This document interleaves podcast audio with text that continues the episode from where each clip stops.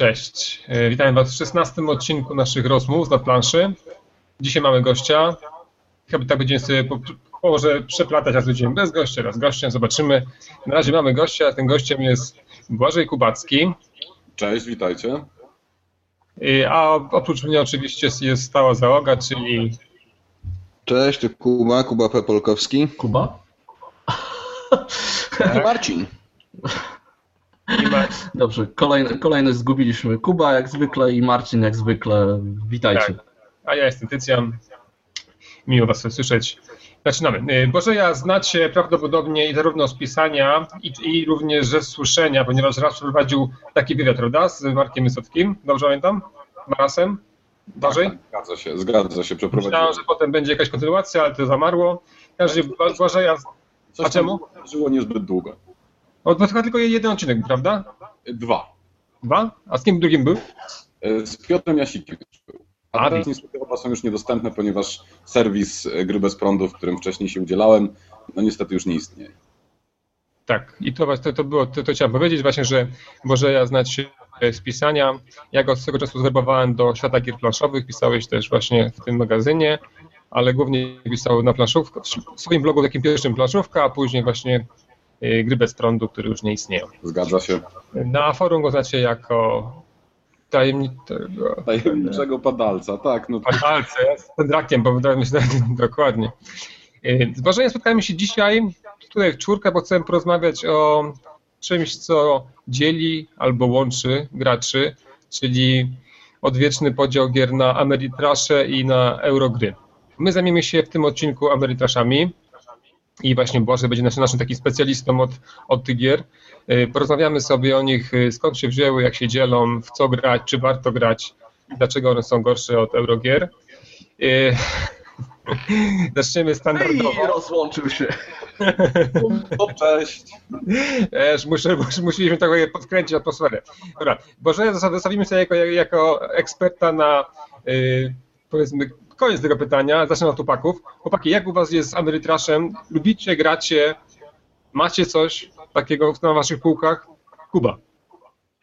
No ja przeszedłem ewolucję, bo ja zaczynałem grać yy, tak naprawdę w takie poważniejsze planszówki od gry o Tron i Battlestara Galactica. E, muszę przyznać, że gdybym miał teraz usiąść do gry o Tron, to bym umarł. E, Battlestar Galactica raz na rok muszę usiąść z przyjaciółmi, z którymi zaczynałem grać planszówki, którzy nie wkręcili się tak jak ja, ale no raz na ten, ten rok z nimi siadam i przyznam, że jest to 5 godzin męki po prostu. I, i, i, i to znaczy, ja nie rozumiem, co Znaczy, atrakcyjnego może być w Ameritraszach. Znaczy przestałeś rozumieć, tak? Rozumiem. Tak, przestałem rozumieć. Gdzieś e, odkryłem świat Eurogier, odkryłem świat rozrywki takiej bardzo, bardzo umysłowej i nagle się okazało, że Ameritrasze jakoś... No proszę, nie zaczynaj razu od, od obrażania eksperta.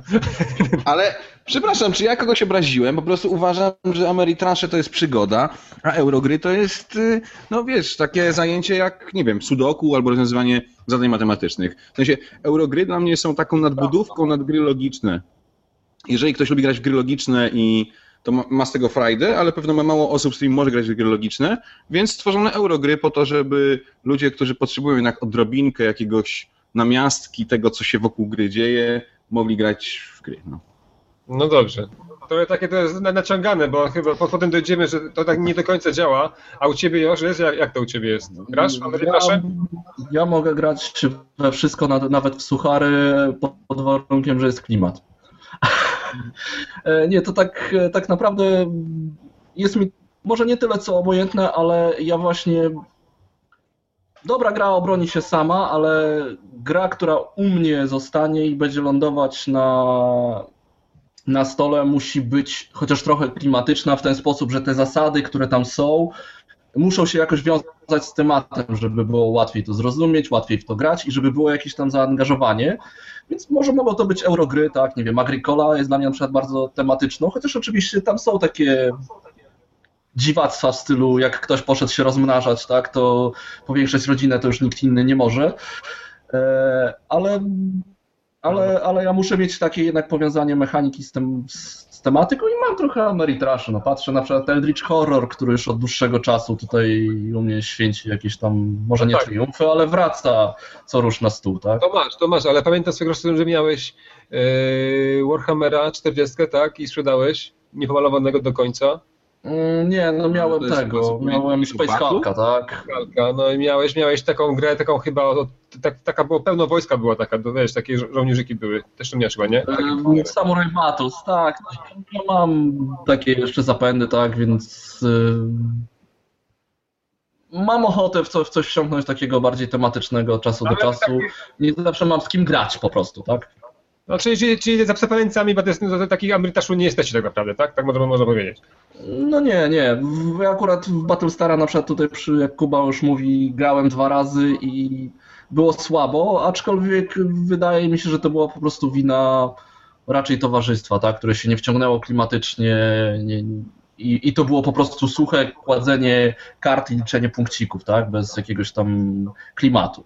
No, u, u mnie jest podobnie, powiem, że Battlestar Galactica to jest gra, którą ja w ogóle nie czaję. Dla mnie to jest jakiś taki namiastka gry flaszowej, która połączona z dużą dysku, dyskutowaniem. I straciliśmy 50 słuchaczy, tak? A, że to ja już tak tyle straciłem, no, że mogę to stracić. Yy, Gdybyśmy to tracili ja- słuchaczy przez to, że Tycjan mówi coś głupiego, to nikt by nas nie słuchał. Patrz, jak ja jest dobrze, że jestem kulturalnym katolikiem i teraz nie odpowiem na to. I, ale ten, więc to mamy, mamy Battlestar Galactica jest taka, która nie czaję w ogóle, ale u nas, u nas dużo no, na naszym Wapolu trafia gra o Tron i tam jest mistrzem Ozzy. Ozzy to jest człowiek, którego może sobie siąść i oglądać samego Ozzy'ego jak gra, jest, to jest z przyjemnością, ale nikt z nim nie chce grać. Y, Parę jest tak- razy bił nóż w plecy i wystarczyło, tak? A, Ozzy jest tego znany. Dobrze, Bożej, znasz już na, na nasze, nasze podziały, znaczy na nasze, jak, jak trafi, trawimy metraż, co o nim myślimy. No widzisz, chyba nie znajdziesz u nas jakiegoś takiego dużego poparcia do, do tych gier, ale nie jesteśmy otwarci, tak? Ty jako, jako y, specjalista powiedz nam, czy faktycznie Ameritraż jest czymś takim, który, co, co może zachęcić ludzi do gier? Znaczy, wiesz co, To jest taka gra, która faktycznie przez ten klimat może ludzi zachęcać do gier, a niekoniecznie przez mechanikę, jak Nie. Eurogry. Wydaje mi się, że tak, nawet zdecydowanie tak i muszę powiedzieć, że jakby możemy tutaj jeszcze dodać taką kwestię, że mimo wszystko wybraliście sobie dosyć konkretne przykłady. Battle, Battlestar Galactica jest fantastycznie znana z tego, jak potrafi się bardzo ciągnąć. Nie jest tak za wszystkimi Ameritraszami, ale może do tego wrócimy później.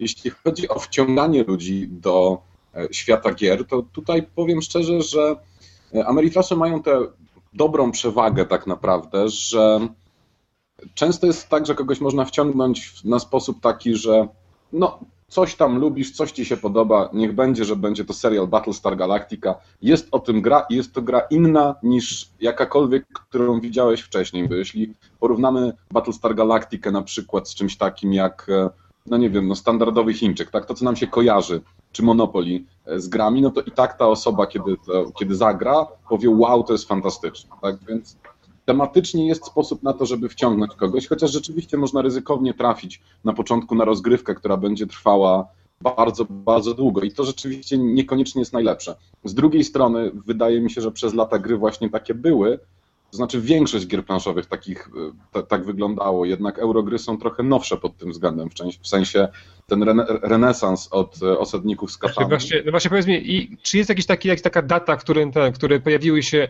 Ameritrash? Wiesz co, przyznam się szczerze, że nie bardzo, nie bardzo wiem. Wydaje mi się, że jakby nazwa się wzięła od e, Fortress America, której pierwsze wydanie było bodajże w 1986 roku, ale to nie była pierwsza gra, którą można uznać za Ameritrash, no bo wcześniej oczywiście było Ryzyko, które jest już dosyć leciwą grą, Tak. które później...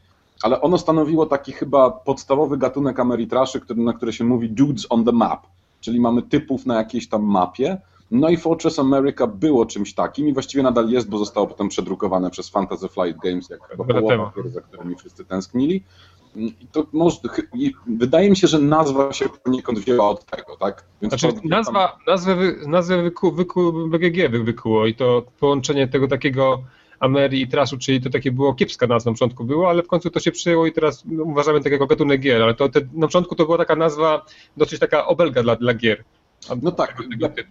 Pamiętam te dyskusje, kiedy niektórzy się jeszcze burzyli na to, że się ich Ameritrasherami nazywa, ich gry nazywa się Ameritrashem. Pamiętam to doskonale.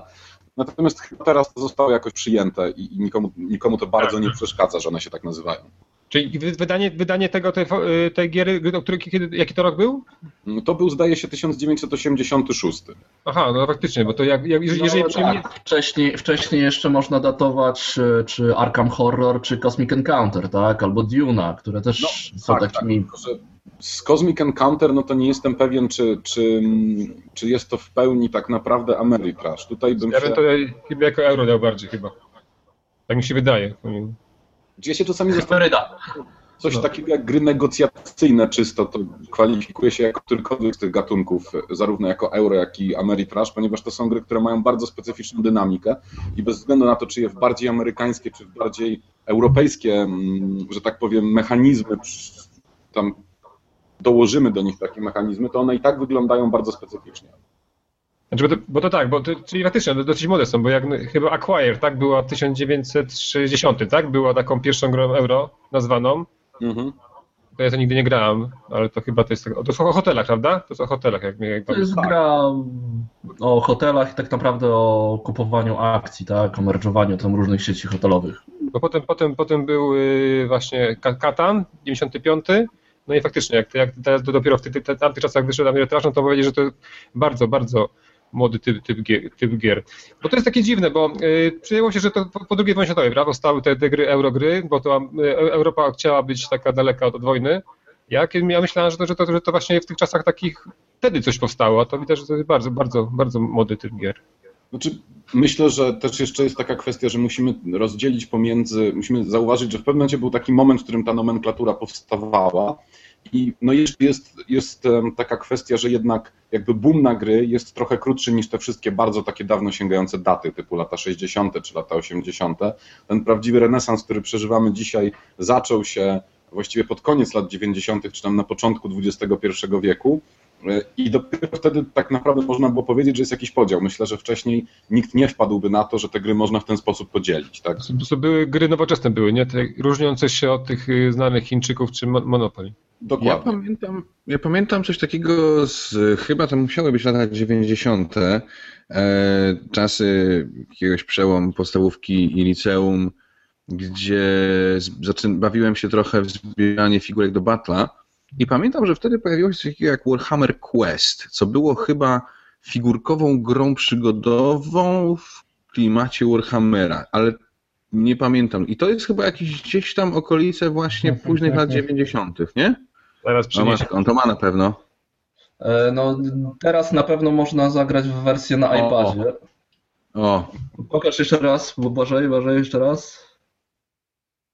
Tak? No. i tak? Dobrze mówię? To jest figurkowa to jest przygodowa? To jest, e, to, to jest rzeczywiście, znaczy dzisiaj gry figurkowe mówi się na gry, w których po stole pocinamy ty, tymi figurkami głównie. Warhammer Quest to była, to była taka gra, to jest właściwie bardziej gra planszowa, ona ma po prostu figurkowy komponent. Tam w tym pudełku mieściła się cała gra od A do Z, od początku do końca. To taki bardziej chyba dungeon crawl, tak? Tak, to jest zdecydowanie Dungeon Crawl. To jest Dungeon Crawl, który e, korzystając z idei zbudowanych wcześniej chyba w Hero Questie Simona Bakera, poszedł trochę dalej e, i zrobił w ogóle grę kooperacyjną. To też jest ciekawe. To jest Dungeon Crawl, który jest jednocześnie kooperacyjny i też daje taką możliwość grania z mistrzem gry, czyli to jest też trochę jak gra fabularna. O matko. No, sam, sam ten tytuł wyciągnąłeś, teraz tu nie matkuj teraz. Dokładnie.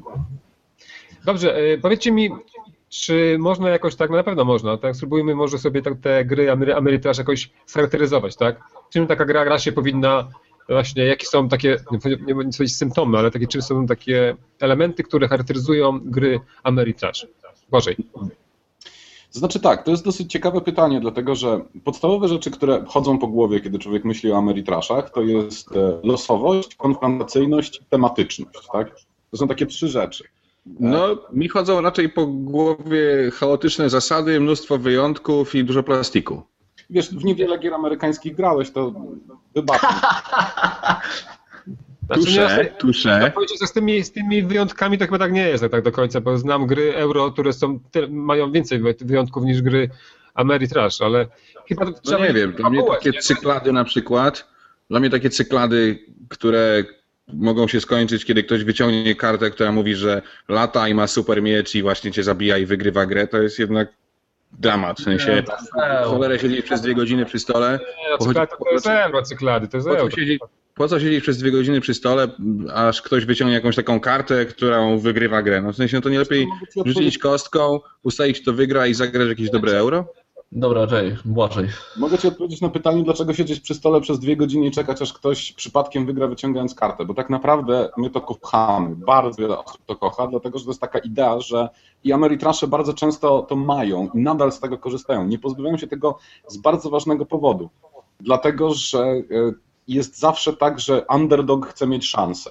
W grach euro Gry euro mają pewnego rodzaju problem. Niektóre z nich są zbudowane w taki sposób, że na przykład dwie tury przed końcem wiem już, że jest po mnie. W sensie możemy zamknąć partię w tym momencie.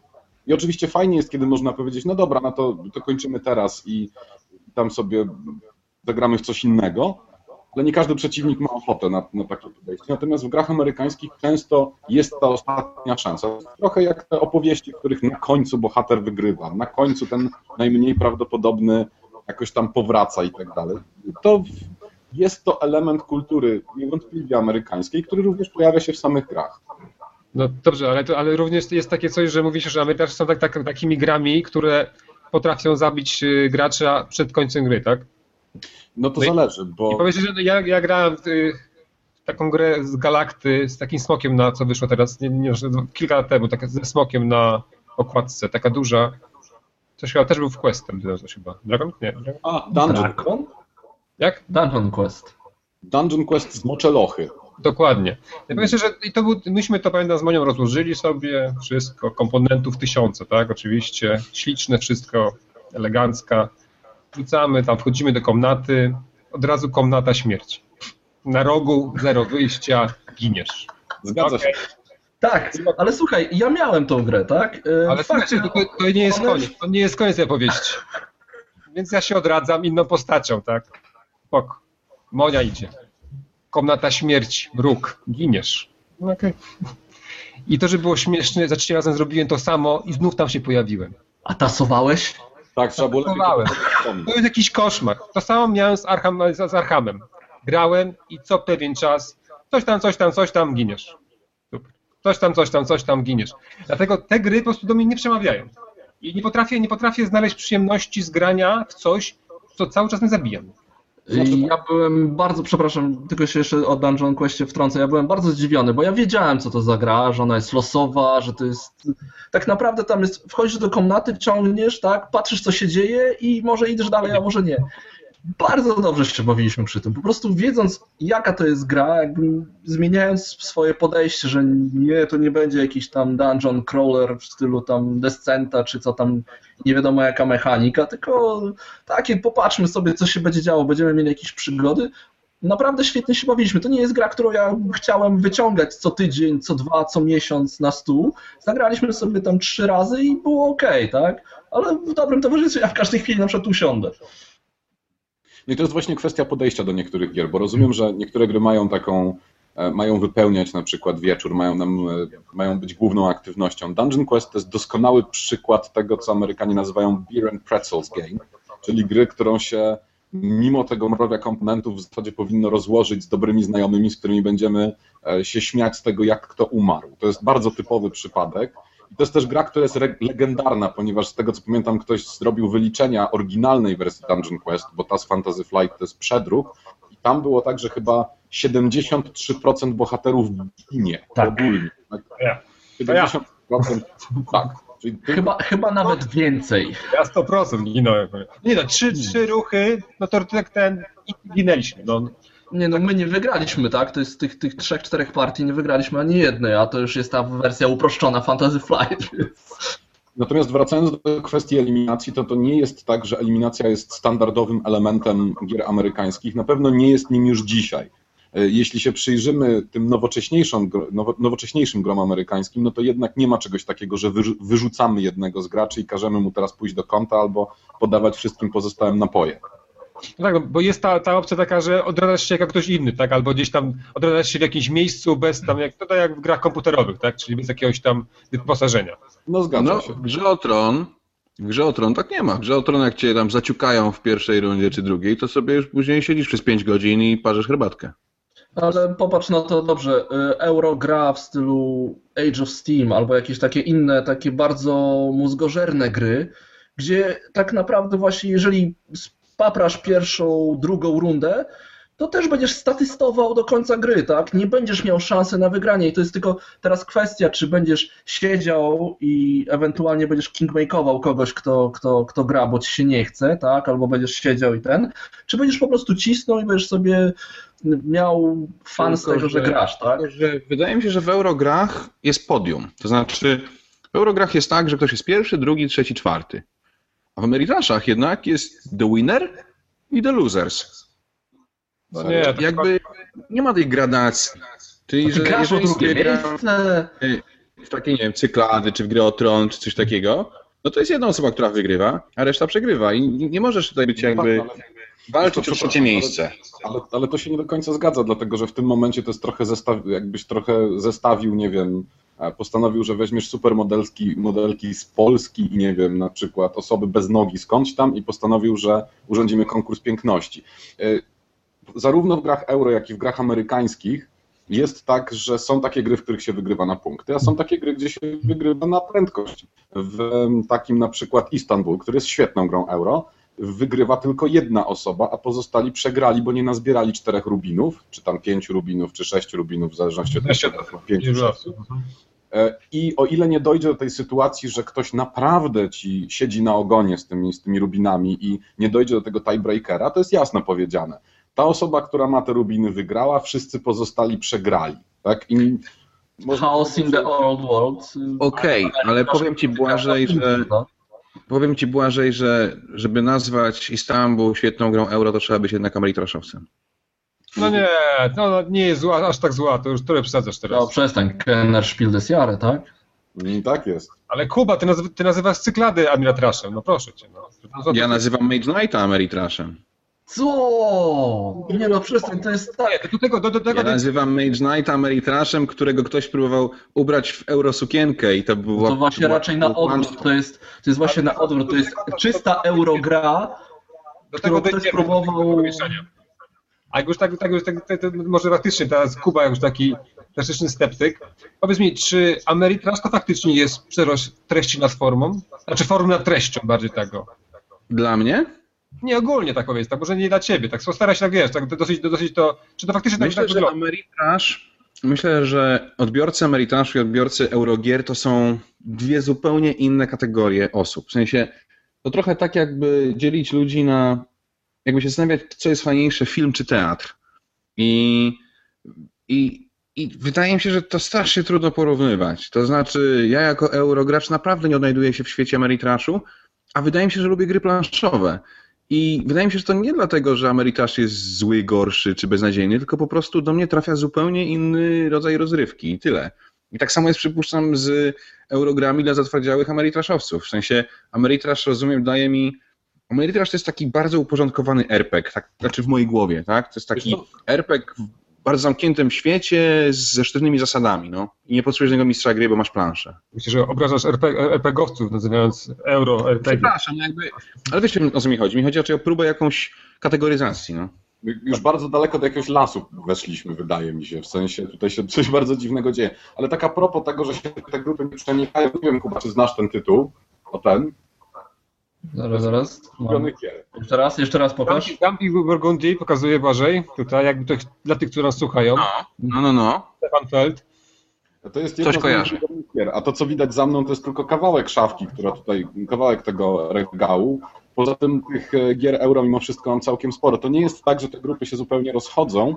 To też jest tak, że Przepraszam. Ludzie, którzy lubią teatr, mogą lubić film, ale często jest tak, że widz, który kocha Star Warsy i, i Galaxy i tam y, Strażników Galaktyki, nie pójdzie do teatru, tak? To możemy się zgodzić, że to mogą być dwie różne grupy, prawda? no, oczywiście możemy się zgodzić co do tego. A ty już? Jak uważasz? Ja bardzo lubię Star Warsy, Strażników Galaktyki, lubię chodzić do teatru. Dobra. A, Ale co, ale, ale Nie, uważasz, ale nie, no, uważasz, że to faktycznie tak jest, że ciężko nazwać, nazwać strategiczną grą, nie wiem, Ameritrash, czy to faktycznie jest tylko ze, nie, no nie, dla, jakby patrząc, no, taki przykład właśnie, który chaos w Starym Świecie, tak? Chaos in the Old World, który jest, ch- chyba zgodzimy się, że jest Ameritrashem, tak? To pełną gębą. ale jednocześnie jest grą bardzo strategiczną, gdzie trzeba jakoś tam znać moce przeciwników, co oni mogą zrobić, da się planować, ale jest też i, i losowe troszeczkę, tak? No więc To nie jest tak, że masz talię na środku, która ci mówi, jak możesz zmienić reguły gry i dlaczego wygrywasz w tym momencie? ale to jest Sorry, to samo no, jak, to jest jak kolejny wyciąganie eventów. Nie, to jest to samo co wyciąganie eventów jakichś, które coś robią w Eurograch, tak?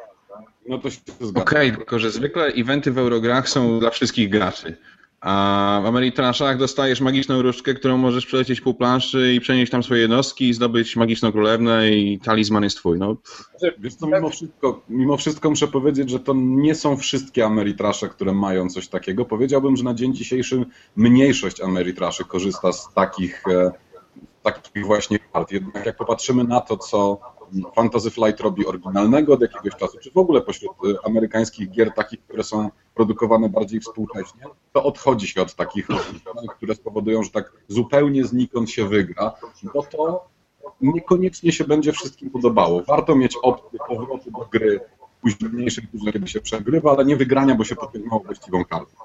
Znaczy mam wrażenie, że to, to, to jest jakiś taki cało, całościowy taki y, przejaw wśród, wśród graczy, że przestają się takie gry łatwe podobać, czy to elektroniczne, czy y, również pa- papierowe. Mam wrażenie, że właśnie to, tak jak stare gry takie amerytaszowe były, to, to, tak jak właśnie, że rzucasz z kością i rzuciłeś cztery, wygrywasz, rzuciłeś pięć, przegrywasz, to teraz już tak nie jest, no bo te amerytasze nie są aż tak, aż, aż tak proste i, i banalne. Także wydaje mi się, że tutaj Kuba troszeczkę właśnie, albo nie wiem, albo masz, masz nie wiem, dużo Jesteś nie grasz, przesadzony. Albo no to, to jest takie mylne my- myślenie. I no, ja, w ogóle tak mi się wydaje, że ten problem między Ameritraszem a Eurogrami to jest taki na siłę zrobiony przez, y, nie wiem, przez osoby, które nie są w danych, w danych rejonach zorientowane. Ale przecież my mówimy o odczuciach, mówimy o emocjach, stary. No nie możemy próbować ich w jakiś sposób y, oceniać. No moje uczucia i emocje związane z Ameritraszem są takie, że są to dość chaotyczne gry, bardzo ładnie wydane, z dużą liczbą zmiennych reguł, czyli ja siadając do stołu i zagrając pierwszy raz jakiegoś Ameritrasza, nie dostaję pełnego przeglądu reguł, ponieważ dostaję listę zasad, które powinny obowiązywać w grze, ale przy okazji jeszcze jest sporo miejsc, typu wyciągnij kartę, odwiedź lokację, coś tam, coś tam, które zasady mogą zmienić. Dla mnie jako eurogracza jest to bardzo trudne do zaakceptowania i trudno mi się w takim świecie odnaleźć. Dlatego nie mam przyjemności z grania w, euro, w gry amerykańskie, bo trudno mi jest zaplanować rozgrywkę, trudno mi jest przewidzieć, yy, trudno mi jest, wiesz, To w zamkach Burgundii mogę sobie od początku do końca wymyślić pomysł na swoją grę. W Jesteś- chaosie w jesteś- Starym Świecie mogę sobie wymyślić, że będę chciał rozsyłać Jesteś fanem gier, które mają mały czynnik losowy, tak? Jesteś bardziej do tych logicznych i tak dalej, ale zarówno w e, Ameritrashach są przykłady gier, gdzie nie ma dużo wyjątków od reguł, gdzie jest, są bardzo proste, składne, aczkolwiek na przykład losowe, bo są jakieś tam kostki. Na przykład przychodzi mi do głowy, nie no, może Nexus Ops to nie jest jakoś tam super, bo jednak są karty, które można tam używać, tak? Ale jest to gra, która raczej się tłumaczy 5-10 minut się gra i jest, jest, jest w miarę prosta, ale na przykład Agricola, która jest uznawana super eurogra, ale masz te, tych pomocników, te, te karty, które dają ci inne możliwości niż innym graczom i nagle ktoś może wyciągnąć jakieś kombo nie wiadomo z czego, bo mu podeszła karta, tak? Akurat Agricola do mnie średnio trafia jako przykład Ale dobrej eurogry. to jest eurogra, tak? No to już, Ale zgadzam się, że są, zgadzam się, że są gry na przykład Murano, bardzo fajna gra yy, Markusa Inkibrand, jest, yy, czy w ogóle gry z ukrytymi celami. Tak, to są, to, to w pewnym sensie zmienia reguły eurogry, bo dociągam sobie jakieś tam cele ukryte, które dla mnie będą punktować, dla innych nie. No to jest taki przykład właśnie niepokojącego przenikania się świata Ameritraszu do euro. No nie, to, bo, bo, bo, yy, uważaj, w takim razie powiedz mi, bo mam wrażenie, że my tutaj bazujemy na takich tytułach, które znaliśmy kiedyś, no Joż, Joż gra tego Weldicha, to więc on ma coś nowego, ale powiedz tak, takie powiedzmy na dzień dzisiejszy, takie faktycznie dzisiejsze Ameritrasze, jak, jakie to są tytuły? Co byś polecił? Ja też mam trochę własnego skrzywienia w tym wszystkim, dlatego że sam nie jestem wielkim miłośnikiem tego gatunku, z którego mm, to znaczy gatunku, który wyrósł z ryzyka, tak? To znaczy nie wyznaje się za bardzo na tych Ameritraszach, w których biega się po jakichś mapach i się tam do siebie strzela. Natomiast e, uwielbiam wszelkiego rodzaju dungeon crawle. I szczerze powiedziawszy, na przykład druga edycja Descenta to jest coś, co mnie od początku bardzo przypadło do gustu, dlatego że to są gry, które jednak w dziedzinie tych wyjątków mają ich stosunkowo niewiele. Oczywiście są zdolności postaci i tym podobne, ale najczęściej znamy je na początku, więc to dla ludzi, którzy lubią fantasy, którzy lubią takie taktyczne rozgrywki, jest to bardzo solidna propozycja. Dla, dla tych, którzy wolą science fiction, jest zarówno Omega Protocol, to znaczy to jest Level 7 Omega Protocol, jak i niedawno wydany Imperial Assault. Jeśli chodzi o Ameritrasze, to jest to coś, co bardzo, bardzo, bardzo przypadło mnie osobiście do gustu i są to gry, które tak, mają sposób grania kampanijnego, ale jednak pojedyncze partie można zamknąć w czymś, co jest 45 do 90 minut. Mają losowość, jednakże to jest jednak tak, że chcemy, że często sami wybieramy, czy robimy coś bardzo ryzykownego, czy posuwamy się do przodu w jakimś tam tempie e, trochę bardziej takim powolnym. Myślę, że pośród Amerykaszy to jest coś rzeczywiście dobrego, do czego można sięgnąć. No ja osobiście uwielbiam chaos w Starym Świecie uważam, że to jest świetna gra. Znam ludzi, którzy grają 4,5 godziny w to, natomiast w szczycie popularności, kiedy jeszcze nie było dodatku Rogaty Szczur, pamiętam, że na swoją drogą zjawie parę lat temu zrobiliśmy trzy partie w 4,5 godziny, bo nam się tak podobało, zamieniając się drogami. Też uważam, że to jest bardzo solidna rzecz, która, okej, okay, na początku ona się wydaje bardziej losowa, ale z czasem jest zdecydowanie mniej, kiedy już wiemy, którego Boga na co stać, czego się można spodziewać po przeciwnikach. Więc są gry, w których też bardzo punktuje doświadczenie. Powiedz mi, jak się, czy faktycznie e, Imperial Salto jest taka kalka Dissenta, czy to jest jednak troszkę róż, różna gra? Mówię o, o, tej takiej części Imperial Salt, tej takiej y, fabularnej, tak powiedzmy, nie o, o te skrymisze mi chodzi. Czy w gruncie rzeczy to jest Descent 3.0. Tak trzeba powiedzieć.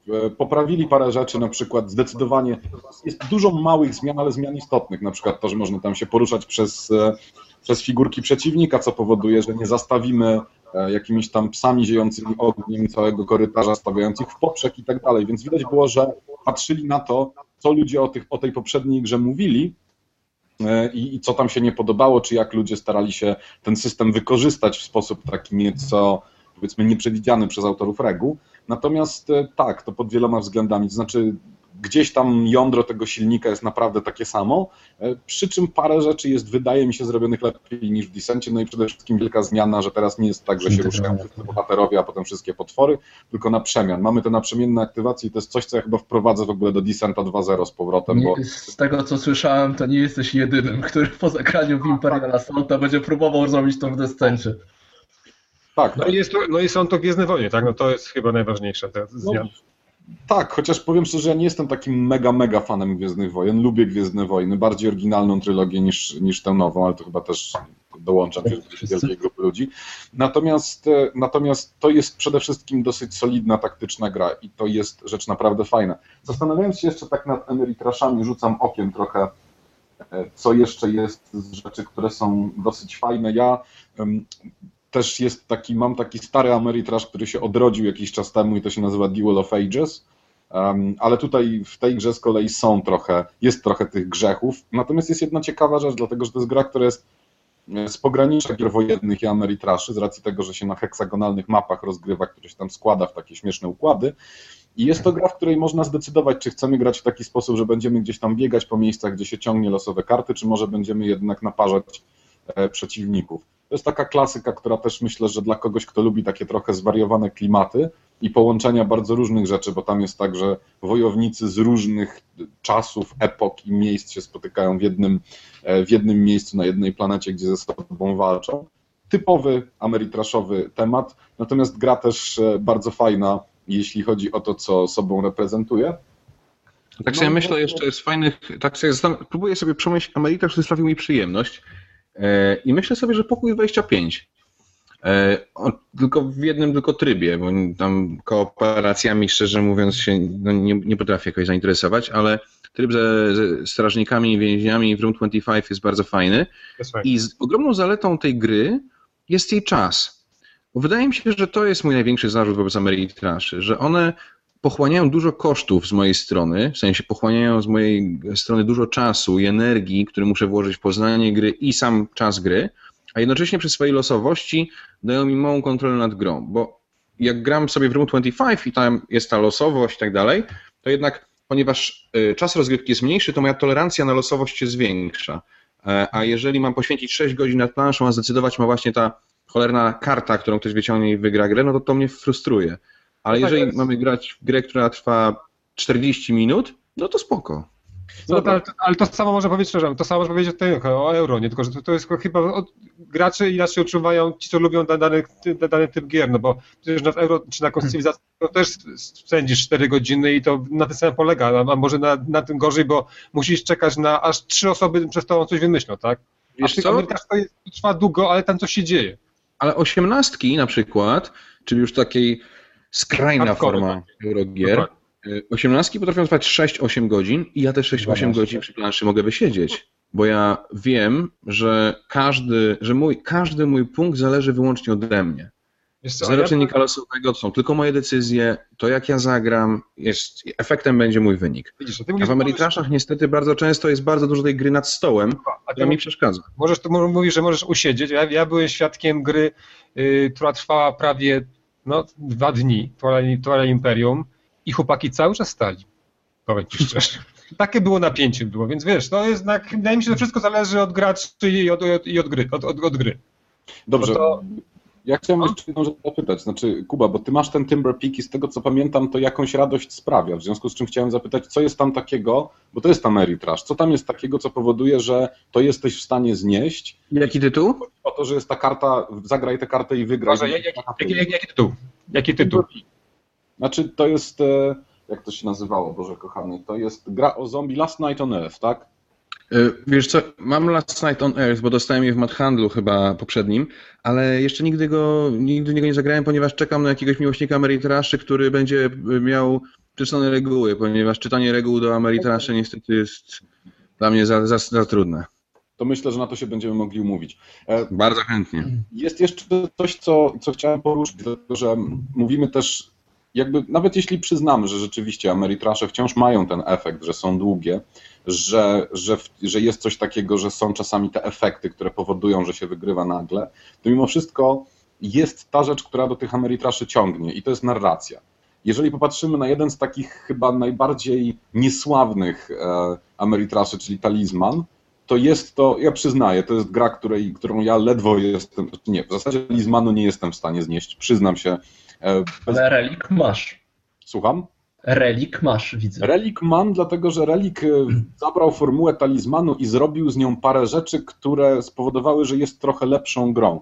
Natomiast sam talizman, że tak powiem, Sote, to jest gra, w której rzucam kostką i poruszam się w prawo lub w lewo. w lewo. Naprawdę, tak, i, i naprawdę bardzo, bardzo długo nie wiem, po co, tej plan, po, po co po tej planszy chodzę, ale, ale. I teraz jakby tutaj wchodzi cała istotna sprawa. Są ludzie, dla których historia, którą gra opowiada, jest ważniejsza od tego, czym ta gra tak naprawdę jest. I szczerze powiedziawszy, jeżeli nawet partia talizmanu może wyglądać następująco. Był sobie wojownik, który poszedł dokądś tam, spotkał ohydnego żygacza, który zaczaił się w tym regionie i pozostał tam, dopóki ktoś go nie pokonał. I wojownik go pokonał. Potem znalazł magiczny miecz, potem spotkał, stał się przyjacielem księżniczki i tropiciela, a potem walczył z goblinami i tak dalej, i tak dalej. Ostatecznie sięgnął po koronę władzy, ale mu się nie udało, bo go tam zabójca dziabnął. Nie na- liczę. To jest jakaś historia dla niektórych, nawiasie kostka rzuciła się na dwa w lewo. ale to jest historia, która się dla niektórych liczy i szczerze powiedziawszy, jeśli porównamy to na przykład do Agricole, która wygląda tak, piekłem chleb, moja rodzina nie umarła pierwszej, drugiej, trzeciej, czwartej zimy, zbudowałem glinianą chatę, miałem trzy świnie e, i cztery owce na koniec, względnie nawet jeśli to porównamy, i to też jest dosyć istotna sprawa, jeśli to porównamy z kawerną, która wprowadza, która już stara się trochę tej narracji dorzucić, ale no, nasz- do, dorzuca jej trochę słabo, bo jak się tam idzie na questa tym krasnoludem, to on nie wygląda tak jak w talizmanie, tylko wygląda tak, poszedłem w szeroki świat z dobrym toporem, wróciłem z meblami do pokoju, z psem i Ej, ja powiem wam, że dla mnie jednak klimat w grze to jest zawsze to wszystko, co przeszkadza nam cieszyć się świetną mechaniką. nie. I Ja po... Ej, to jest moje, moje serduszko pika w takim rytmie, no. No i to jest Po absolutnie prostu zrozumiałe. dla mnie mechanika w grze jest tym, tym czym się zachwycam. Ja patrzę na stół, widzę pezety, e, a, a, a, a historia, która gdzieś tam jest, ja tego w ogóle nie kupuję, no. Znaczy, tak, ja, ja akurat w grach to, ja każdą grę lubię zagrać i to, to muszę powiedzieć, że, ale no Talizman faktycznie to jest gra, która mnie nie porwała, ale jak grałem w Distenta, no to akurat tu Błażej powiedział o, o, ty, o tych psach i to muszę powiedzieć, że oczywiście trafiło to na mnie, tak, bo te psy faktycznie zablokowały mi ten korytarz, Aha. Ale graliśmy, z- to graliśmy z dzieciakami, graliśmy i muszę powiedzieć właśnie, że Ameritrasze, takie gry, właśnie fantazy, są chyba świetnymi grami dla dzieciaków, bo ja się bawiłem patrząc na nich, tak? I oni to przeżywali te przygody, mieli te łuki, zbierali, to był taki, taki był taki cały, cała była cała przygoda połączona z kilku, z kilku scenariuszy. I dla mnie to po prostu było samą przyjemnością patrzenia, jak oni grają i ja uczestniczyłem w tej grze tylko dla nich i tam sobie graliśmy. I powiem szczerze, że uważam, że są świetnym taki, takim wejściówką dla dzieciaków do, do gier. Ja nie, nie, lubię Eurosy i, i, dzieci uważam, że powinien te, takie gry również grać, ale wydaje mi się, że właśnie takie te figurkowe, fantazy, tam gdzie są te powieści, takie jak Błażej mówi, one są sami te główce, co się układają, jeszcze jest osoba, która coś tam powie, jest bardzo fajnym takim gatewayem do, do gier. Chciałbym jeszcze do tego jedną rzecz dorzucić, ponieważ za plecami trzech z nas, e, poza Joszem w tym momencie, znajdują się półki, na których i żeby się nikt nie pomylił, to są półki, na których stoją zabawki. ok? Bez względu na to, jak bardzo chcielibyśmy nazywać e, to, co tam za nami stoi, to nie można powiedzieć, że to jest rzecz poważna, nie można powiedzieć, że to jest rzecz, która, nie wiem, jest kwestią życia lub śmierci, to są wszystko, mimo wszystko zabawki. I z tej perspektywy patrząc, jakby ja mam więcej zrozumienia dla ludzi, którzy na przykład uwielbiają talizman albo uwielbiają Arkham Horror, którego ja jednak już też nie jestem w stanie strawić. Przeszedłem na Eldritch Horror i to jest zdecydowanie rozrywka dla mnie. Tak jest, tak jest. Dużo, Ale dużo Tylko, tylko chyba cały drink w tej dyskusji polega na tym, że nikt tu chyba nikogo nie próbuje przekonać co do tego, że talizman jest głupi, albo Ameritrash jest lepszy, albo Eurogry są gorsze, albo coś tam. Oprócz Chyba siebie. wszyscy się Oprócz zgadzamy, że się po prostu pięknie różnimy i tyle. I każdemu sprawia przyjemność e, inna, in, inna zabawka, tak? Talizmanem to jest, z talizmanem to jest tak, mi się, ja sobie ten, z talizmanem jest tak, że faktycznie tę grę, mało osób chyba, chyba tak, właśnie, że ten, teraz powiedzmy takich bardziej zaawansowanych graczy ją lubi, ale ja przynajmniej y, bardzo szanuję tę grę, bo widzę, co ona robi z innymi osobami, tak, i ty, no, jak widać na, na tych na przykład różnych konwentach, jak, te, jak ludzie grają w, w jedną grę, potrafią grać cały dzień, pod na drugi dzień jest, jest konwent, oni otwierają to jeszcze raz to samo pudełko i ponownie grają, no to muszę powiedzieć, że to nie ma takich, takich tytułów, które tak przyciągają ludzi do siebie właśnie jak talizman. Ta magia trwa x lat, tak, i mam wrażenie, że będzie trwała dalej. Tak, no bo jest to gra, która archetypicznie naprawdę jest związana z tym, że buduje jakąś opowieść. Też jest jeszcze jedna rzecz, która w Ameritraszu siedzi i która e, działa zarówno na młodszych, jak i na starszych graczy. Te kości, którymi rzucamy, one powodują, że od czasu do czasu robimy takie po prostu yes, udało się, to był fantastyczny rzut. Nigdy nie widziałem, żeby w rzeczonej wcześniej Agricoli ktoś powiedział yes, upiekłem wielki bochem chleba. Nie no, tak jest trochę, tak, że jak się idzie na konwent i widzisz eurograczy, to wygląda to tak. A idziesz i właśnie patrzysz na tych tam Twilight Imperium, to tam wszyscy stoją, rzucają tam jakimiś kartami pomiędzy sobą, tak? I te tak zwane stand-up die rolle, tak? Czyli oh my god, y, te trzy godziny, które teraz tu siedzi- si- siedzieliśmy, przychodzą właśnie do tego jednego rzutu kością, który teraz będę wykonywał, tak? I, no i to może właśnie być tak, że Kuba stwierdzi, ja siedziałem tu trzy godziny tylko po to, żeby ten jeden rzut zdecydował o losie gry, ale inni powiedzą, kurczę, siedziałem przez trzy godziny i robiłem wszystko, żeby dojść do tego momentu, gdzie tutaj tylko zależy jeszcze ta jedna, od wszystko zależy od tego jednego rzutu, tak? Do cięcia tego miecza, który się nie udał.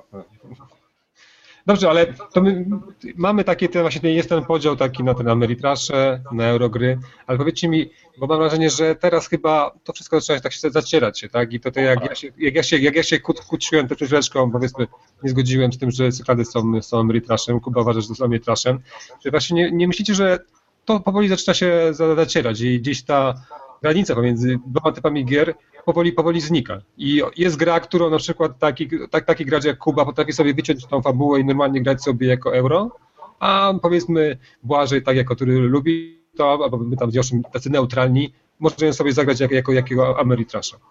Josz. Nie, no oczywiście, że tak. To, to, no, dla mnie akurat takim przykładem jest y, Chaos w Starym Świecie, który zaczął, przynajmniej to był dla mnie taki pierwszy, e, pierwsza taka gra, którą widziałem, że to był taki Ameritrash, który próbował tam zaciągnąć jak najwięcej e, mechaniki z, z Eurogier, tak? Czy choć, choćby to, że tam się walczy jednak na punkty zwycięstwa, tak? To jest area control, takie bardzo typowe, ale w międzyczasie to są oczywiście tam czary i, i tak dalej, a, a w drugą stronę właśnie mamy jakieś tam czy cyklady, czy nie wiem, może Kemet to nie jest dobra dobry przykład, tam jest dość bardzo dużo negatywnej interakcji, tak, ale, ale cyklady są właśnie takim przykładem Eurogry, gdzie mamy ten elementy negatywnej interakcji, walki. To dla mnie cyklady y, czy chaos w całym świecie to jest, nie ma nic wspólnego z Eurogrą i jakoś nie potrafię y, zrozumieć, jak możesz tak myśleć, ale no masz do tego prawo. Ja tak się patrzę na swoje półki, niestety u mnie naprawdę jest, jest raczej mało gier e, ameritraszowych, a jeżeli są, to takie, które wziąłem sobie do domu myśląc, kurczę, kiedyś zagram, bo może będzie coś fajnego. A duszki? E, ale taką grą hybrydową... Chyba? Tyle elementów, no, fabuła. Duszki? No, no. To prawda, grałem ostatnio grałem na zjawie w Duszki 2.0. Jest szał, naprawdę. Ale taką grą hybrydową chyba, poprawcie mnie, ale tam jest jakaś opowieść w niej, więc chyba się liczy, która dla mnie jest czystym euraskiem i potrafi się przy niej wspaniale bawić, są Władcy Podziemi Fatila. E, o ile Popile, Pupile Podziemi dla mnie są jakąś taką głupotką, której nie ogarniam, o tyle Władcy Podziemi dla mnie są wspaniałym, pełnokrwistym eurasem, ale na przykład y, y, kolega Schizofredka, z którym czasem mam okazję grywać w klubie, który jest bardzo zapalonym amerytraszowcem, kocha też tą grę, czyli jest jakiś pomoc między nami.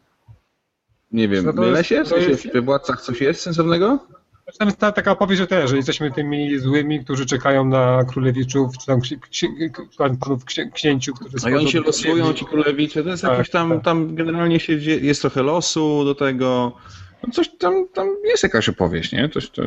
Powiem tak, mi się daje, powiem tak, ja w grach euro nieraz prawie sobie na siłę znaleźć jakąś opowieść, więc to ciężko mi powiedzieć, czy, czy Władca Podziemi jest, jest ta opowieść, czy jej nie ma, bo jak gram, to staram się samo powiedzieć, że mi się lepiej grało.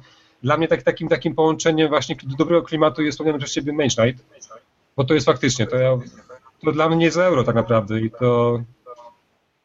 I. Nie, no tam czacha tak paruje, że to trudno nazwać arbitrażem. Ale, ale prawdą jest to, że tam jest tyle tych zasad, że to jak nie gramy kilka razy pod, pod rząd, to potem po dwóch, trzech miesiącach ponownie trzeba czytać instrukcje. Więc to jest taki przykład, że tak jak ty mówisz. No i dla mnie również Robinson, który on jest niby tą grą, grą przygodową, ale ja bym sobie, on jest i euro, i Ameritraszem. I tutaj bym tak gdzieś też od dziesiątego sobie to y, na pograniczu zostawił. No A takich gier myślę, że coraz więcej się, się, się, pojawia i to myślę, że osoby takie, które nie wiem, na, na siłę próbują obedrzeć e, e, eurogry z klimatu, sobie robią i, ale również i inne robią, robią, robią, robią krzywdę. No, o, Louis Clark też bardzo przygodowa gra. Tam czy to ten, te karty są przecież są aż kipią, kipią historią i to ja, ja, dla mnie one, one są ten, naprawdę są nie, no to, to, teraz właśnie pojechałeś na tą stronę, ja potrafię znaleźć historię we wszystkim, tak? To fakt jest tam trochę tematyczne, jak to tam działają te łódki, opóźnienia i tak dalej. To jest to, o czym ja mówiłem, że ja mogę zagrać w Eurosa, jeżeli jeżeli jest to narracja, tak? Ale... Samo, jest to samo w Agricoli, no tam akurat dla mnie to w ogóle już nie jest klimat. Jest tam, bo tam jest... A w Splendorze też jest klimat? Dobra, może dajmy teraz Błażejowi coś powiedzieć.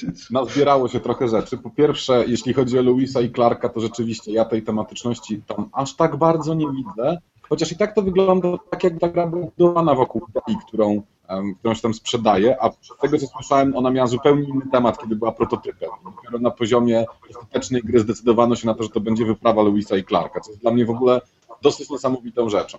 Natomiast um, jeśli chodzi o to przenikanie się, to myślę, że zdecydowanie jesteśmy na tym etapie i to będzie trwało, dlatego że um, pierwsza sprawa jest taka, że, gry euro sięgają śmielej po tematy, które wcześniej były zarezerwowane dla Amerykanów Moim zdaniem jakby takim standardowym bardzo przykładem, przykładem, który bardzo odstaje pod tym względem, który jest bardzo wyraźny, to jest Lords of Waterdeep, którą ja osobiście uważam za, gdybym miał tę grę po polsku, to bym ją stosował do zarażania ludzi takim środkowym graniem. Tak? Z tego miejsca mogą pójść zarówno w euro, jak i w Ameryce, co im się tam będzie podobało, bo uważam, że to jest gra prosta, ale solidna i nawet się robi dosyć epicka, kiedy dorzucimy do niej dodatek, który już do niej istnieje. Natomiast... Ja grałem tylko w podstawkę i podstawka była bardzo dobrym suchym euraskiem. No i widzisz, właśnie o to chodzi. Ty widzisz w tym suchy eurasek, natomiast po to naciągnięto na to temat D&D, żeby to miało jakiś tam sens. I kiedy popatrzysz na questy w tej grze, to one ten sens mają, tak? Mhm. Wysyłasz gdzieś tam te kosteczki, to są jednak konkretni, konkretne typy jakichś tam łowców przygód i to ma sens, kiedy się na to popatrzy. Natomiast to jest jeszcze dosyć istotne, że w ogóle dzieje się coś takiego w grach euro, że to już nie jest tak. Wcześniej to była albo starożytność, albo jakieś bliżej nieokreślone średniowiecze, względnie epoka odkryć geograficznych, bardzo smutny pan na planszy. Tak bardzo często. Potrzebowaliśmy kogoś, kto robił taką minę, i patrzył na nas pustym bardzo często wzrokiem. Dzisiaj robi się inaczej. To jest fajne, że w ogóle powiedzieliście o czymś takim jak o właśnie, panie, też mam na półce. Go. O tu, no nie, nie będzie widać. No widać, widać. O co mi chodzi? Chodzi mi o to, że bardzo, cie, bardzo fajnie, że nadmieniliście ogólnie wspólnie od Ciebie, Kuby, poczynając Czech Games Editions, ponieważ to jest firma, która poszła bardzo szybko w ten nowatorski sposób utematowiania swoich gier. Poczynając od Władców Podziemi, która mogła być, mogli być naprawdę, tak naprawdę grą o, czymś innym. Mogła to być gra o budowaniu miast na przykład, których najeżdżają tam jacyś raubriterzy, tak? Mieć prawie jak Tua na przykład. To byłoby w zasadzie ten sam efekt jeżeli popatrzymy, ich ostatnia gra to jest Alchemist, tak? To też jest bardzo solidna, chyba eurogra, tak? Ma ten komponent nowy, ale nadal chodzi o to, że jest utematowiona bardzo specyficznie. Jeśli popatrzymy natomiast na eurogry, które wydostają się na światło dzienne przez startera, to również widać, że nie jest tak, że chcemy, żeby ten temat był atrakcyjny, żeby on wciągnął więcej ludzi. To jest chyba proces naturalny. Każdy, kto gry wydaje, będzie chciał, żeby więcej ludzi się tym zainteresowało. Naprawdę, Mam takiego znajomego, który jest bardzo agresywnym graczem, który ciężko go jest namówić nie tylko dlatego, że nie będzie mógł kogoś udusić bardzo szybko w grze do gry euro, ale również czasami ciężko jest tak naprawdę, jeśli mam do wyboru, będziemy do siebie naparzać z jakichś tam laserów, albo będziemy uprawiać pole, no to wtedy ciężko jest go namówić do tej opcji, bez względu na to, jak dobrze się będzie to pole uprawiało. Natomiast mogę powiedzieć, będziemy robić receptury alchemiczne i tworzyć tam czary, e, jest to solidna gra dedukcyjna, to od razu wydaje mi się, że te szanse na to, żeby więcej ludzi e, odebrało trochę i Ameritraszy, i euro, one natychmiast rosną. I myślę, że z tego powodu będziemy widzieć tego coraz więcej. Znaczy, ale to, to jest, to jest, no tak, ale, ale również powiedzmy właśnie z tym alchemistą, no, no, bo ta fabuła to jest, to jest to, że sami sobie wymyślimy, nie? no bo to jednak e, alchemista nie jest, nie jest y, Ameritraszem, nie? No to, to jest, jest ale to nie jest Eurogra, to jest mastermind z nadbudówką, no. No tak, ale powiedzmy, wiesz, gry logiczne też, też nie, nie, nie są te, na uważasz, że to są, wiesz, że to są, że to są rusuchary, nie? Ale gry dedukcyjne to nie są gry logiczne. No, no dobrze, no ale nawet Dungeon Lords, tak, to jest, sam powiedziałeś, no to jest taki właśnie przykład gry, gdzie, gdzie ta temat, tematyka jest bardzo dobrze związana z mechaniką i ona bardzo mocno ciągnie grę do góry, tak. To nie jest tylko, bo gdyby to była czysta, czyste, czysta mechanika, to niektórym by to się podobało, na pewno, ale ten krąg tych odbiorców byłby dużo mniejszy niż to, co się dzieje dzięki temu tematowi. Ale to też dobre, dobre gry cywilizacyjne to też tak można byłoby nazwać, nie? No bo to wiesz, to jak cywilizację czujesz, tą roz, roz, roz, rozwój tej cywilizacji, to też można powiedzieć, że to jest Ameritraż, bo ma ten klimat, nie? Dobra gra cywilizacyjna będzie miała klimat rozwoju cywilizacji i to budujesz. Patrz History jest świetnym przykładem, gdzie jest w zasadzie taka bardzo abstrakcyjna mechanika, są jakieś tam kafelki, które się wkłada pod ten, ale po tych partiach, które na przykład my graliśmy, zawsze fajnie się to układało, bo był jakiś temat. Na przykład Agnieszka y, miała jako jednego z lidera królową Anglii, więc ona budowała bardzo dużo basenów wodnych u siebie, dzięki czemu miała statki i mogła nas sklepać po prostu, no bo to Anglicy, tak, wsiadali na statki i trudno. Ona, ona, ona marynarzy, ona marynarzy tam punktuje, nie? Tak, tak, tak, tak. Więc to, to, to miało jakiś też taki fajny, fajny klimat, tak. Ja też tak patrzę na ten, na Dominion Species, to, to, który też jest powiedzmy tak- takim klimatem y, zo- zoologicznym. No to nie jest, to nie jest, Kleopatra nie jest na pewno Ameritraszem. To schowaj to teraz. No właśnie chciałem powiedzieć, że Kleopatra jest takim przykładem w drugą stronę, że Kleopatra i Stowarzyszenie y, Architektów jest przykładem dość agresywnej, ale jednak bardzo silnie eurogry z komponentami wyjętymi jednak z amerykańskiego pudełka. Bo tutaj przestrzenne, plastikowe figurki i elementy, budowanie y, świątyni i tak dalej.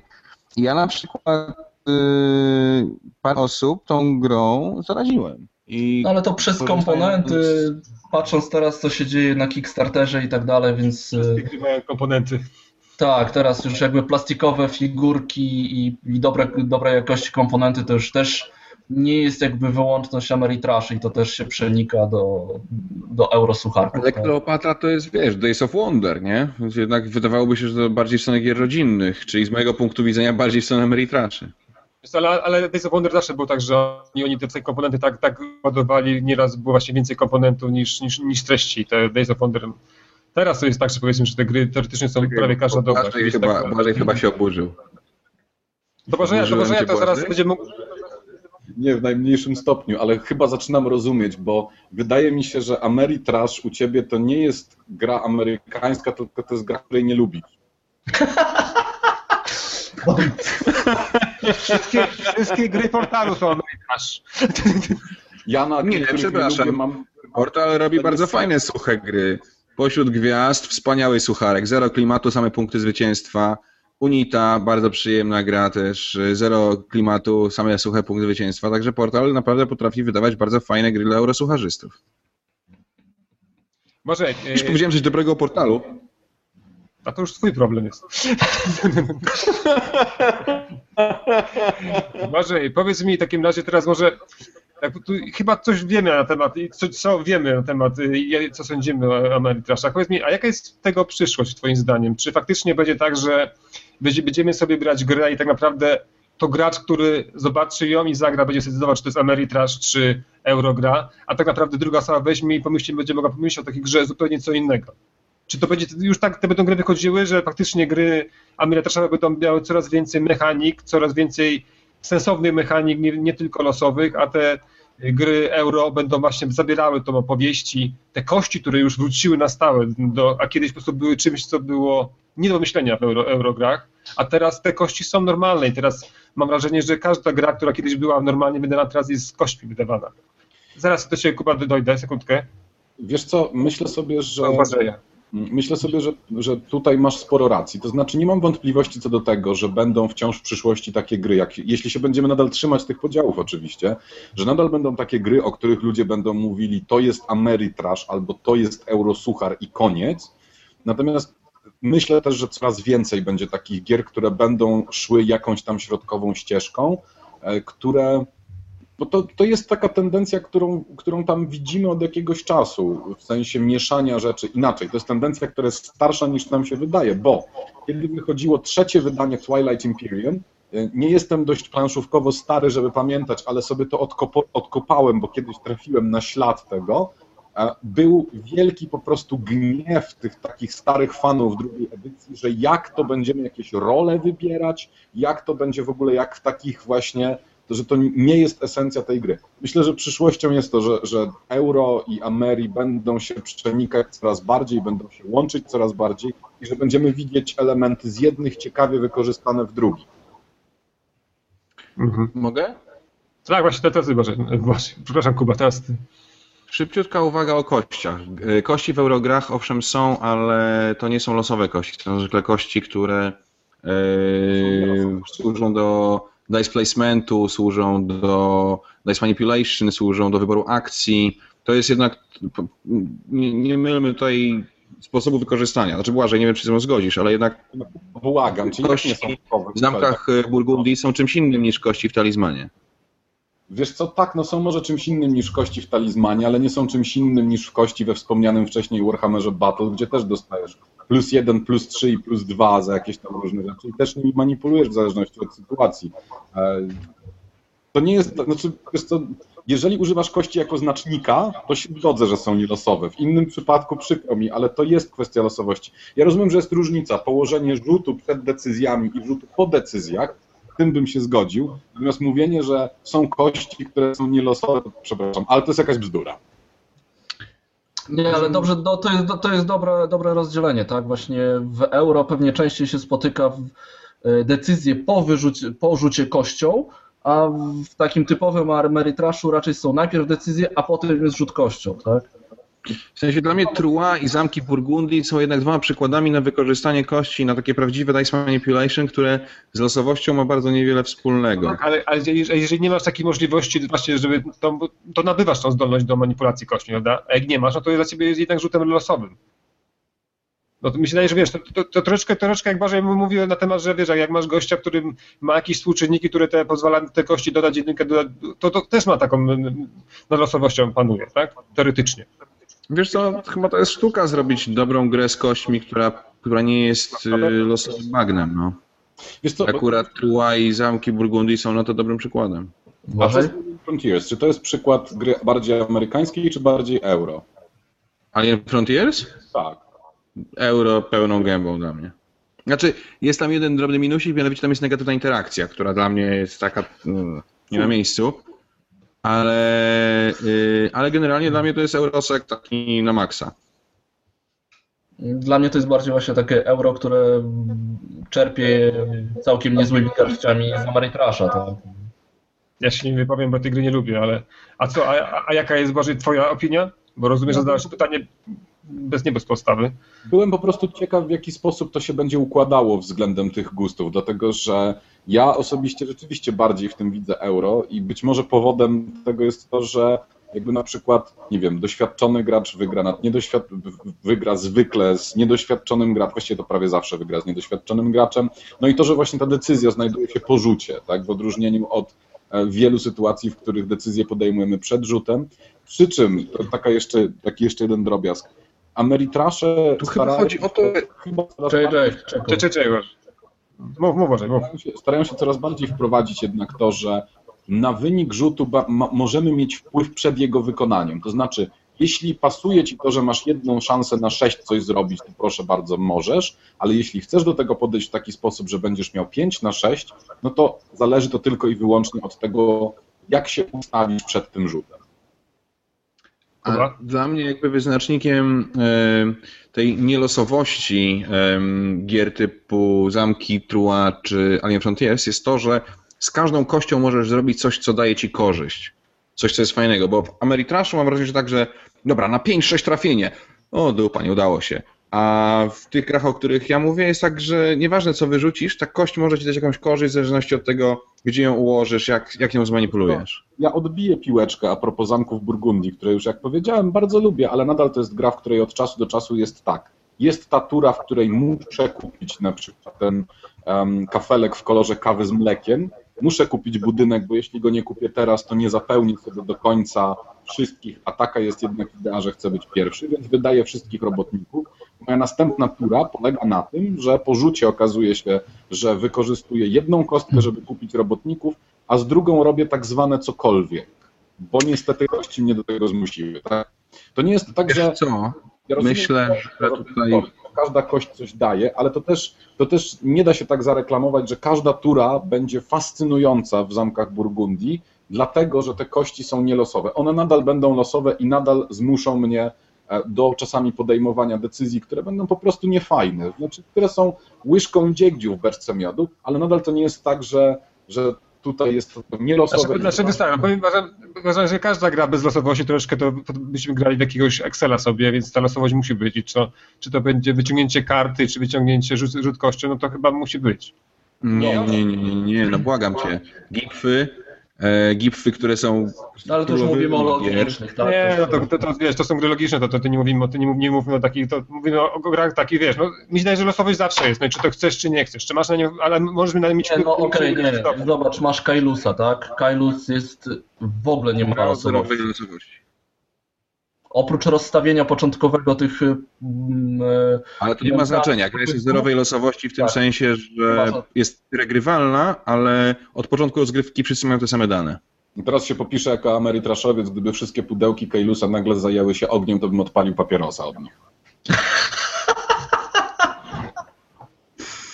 Ciężkie ale, słowa. Ale, ale muszę powiedzieć, że coś w tym jest, bo znaczy, ja już grałem kilka razy, ale to nie jest, nie jest gra, która by mnie tak porwała. Jeszcze ja nie czuję takiej, takiej, takiej, takiej fanatycznej od, oddania temu tytułowi. Znaczy ja w przykład- Kailusie chyba jest ten problem, że Kailus jest straszliwie karzącą grą. To znaczy, że jeżeli w Kailusie popełnisz jeden błąd, to już koniec. I, i to jest jej nieprzyjemne, że, że tam jest dużo stresu, a mało frajdy. I, i ja też Kailusa jakoś specjalnie nie poważam. Choć uważam, że to jest Znaczy, dobre euro, to nie dla mnie. No. Dla mnie, dla mnie no, gry, gry są jednak, no, kwintesencja gry jest jednak ta losowość jest, no i to uważam, że, że powi- powinna być. Nie mówię, że to ma być taka, wiesz, właśnie rzucam kością i jedynka to jest wygrana piątka ten, ale no, trzeba na nie mieć wpływ, ale ta losowość musi być, no bo raz też to, każda rozgrywka to jest, jest inna, nie? No, a, a tego chyba chcę od, od gry, nie chcę grać cały czas to samo, no. Ale wystarczy ci inne rozstawienie na początku, żeby gra się zmieniła. Właśnie tak jak w Kailusie na przykład, tak? Wystarczy ci. E, Okej, Nie Dominion, który tutaj patrzę na twoją półkę i widzę Dominiona, to jest zły przykład, ale w pewnym sensie, wyobrażając sobie, że w Dominionie możesz ułożyć sobie e, karty od góry do dołu, to jedynym elementem losowym wtedy byłoby tylko to, jakie karty wyciągnąłeś z pudełka i z jakimi zaczynasz rozgrywkę, tak? I z jakim E, swojej talii. tak. Jakby... No dobrze, to, ale to nie będziemy tak mówić to, to, to, ten, o mechanikach, tak, co jest bardziej, a co mniej losowe. Myślę, że teraz chyba coś wy, można było wykla- wyklarować z tego, co słuchającym na temat gier Ameritraż i zdając sprawę, że, że to nie należy ich od razu, tak jak Kuba, rzucać gdzieś tam bez stołu i już nigdy nie, nie podnosić. Myślę, że warto każdą Ej, myślę, że jesteś niesprawiedliwy teraz.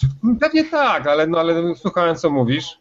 I Powiedziałem przecież bardzo wyraźnie, że każdy ma prawo bawić się takimi zabawkami, jakimi chce. Ja się nie chcę bawić tymi zabawkami akurat, ale niech każdy sobie gra w to, co sobie chce, no. na szczęście to, to, to nie, nie słyszałem, co mówiłeś, bo tutaj wyciemać. O. Bo ci, co, ci, co słyszeli, ten, ja nie słyszałem, co, co mówiłeś, więc tutaj mam, mieliśmy jakieś, mieliśmy tutaj... Na, że każdy na, powinien się bawić w, takimi grami, na jakie ma ochotę. Tak, ale, ale to tak, to, to, to bardzo dobre powiedziałeś, ale wydaje mi się, że nie, chodzi bardziej chodzi o to, że nie, nie należy tak się na- nastawiać konkretnie, że to jest złe, trzeba, trzeba, trzeba coś spróbować. Mam nadzieję, że, że z tego coś wynieśliśmy. Yy, Błażej, korzystając z okazji, ja mam tutaj do Ciebie pytanie, bo yy, Ty teraz jesteś, jesteś yy, pracownikiem, tak, wydawnictwa e, NSKN, tak? Tak. I powiedz mi, na Kickstarterze teraz osiągnęliście bardzo fajny sukces, tak? Wydaliście dodatek do Exodusa. Powiedz Tak. mi, czy możemy spodziewać się polskiej jakiejś wersji, albo przynajmniej wydrukowanej instrukcji po polsku, tak profesjonalnie dodanej do pudełka? Wiesz co, e, wszystko zależy od tego, czy będzie w Polsce ktoś, kto będzie chciał e, Exodusa, względnie Exodusa dodatkiem wydać. Na chwilę obecną nic na ten temat nie mogę powiedzieć. Natomiast Lacerta może coś powiedzieć na ten, na ten temat? Słuchaj, no naprawdę chciałbym móc coś powiedzieć, ale nic nie mogę na chwilę obecną. Na pewno to nie jest tak, że szybko zobaczymy w razie czego Exodus po polsku, jeśli tak się stanie. Myślę, że tyle mogę na, na chwilę obecną. Myślę, że tyle na chwilę obecną mogę powiedzieć. Ale powiedz, ale, ale tak, ale przynajmniej powiedz, myślicie o tym, tak? Myślicie o tym? My zawsze o czymś takim myślimy i zawsze jesteśmy chętni do tego, żeby jakakolwiek gra, która od nas wychodzi, pojawiła się w języku polskim, nie tylko w polskim, ale też w innych językach. Natomiast e, poniekąd mamy taki model, jednak to jest wciąż małe wydawnictwo, w związku z czym skupiamy się na jak, na wydawaniu jak najlepszych rzeczy po angielsku i raczej pragniemy, żeby to inni robili wersje w innych językach, a niekoniecznie my, bo po prostu tej pracy wciąż jest tyle dużo, że, że nie jesteśmy w stanie tego prowadzić równocześnie. Dobrze. No dobrze. Ale jest taka, taka gra waszego wydawnictwa, która wyjdzie. Podobno jest tam polski autor, tak? Podobno ten autor jest z nami. A, I to Błażej, jesteś ty tym autorem i właśnie... A wychodzisz, tak? Oj, wyszedł. Już go nie ma z nami. Rage Słuchajcie, ja się, ja się chyba będę musiał na chwilę wyłączyć, bo gra, o której mówimy, jest e, kooperacyjną, karcianą grą przygodową. Więc Na chwilę dużo, o właśnie, Mistfall, tak? Tak, dla tych, którzy oglądają, jest malutki preview tego, jak ona będzie wyglądać. O, ślicznie. Hmm. A odwróć, odwróć pudełko. Masz tam z tyłu... Można z tyłu pudełko odwrócić, jak tam będzie wyglądało, czy jeszcze nie ma? Z tyłu jeszcze, z tyłu jeszcze jest białe pudełko Aha.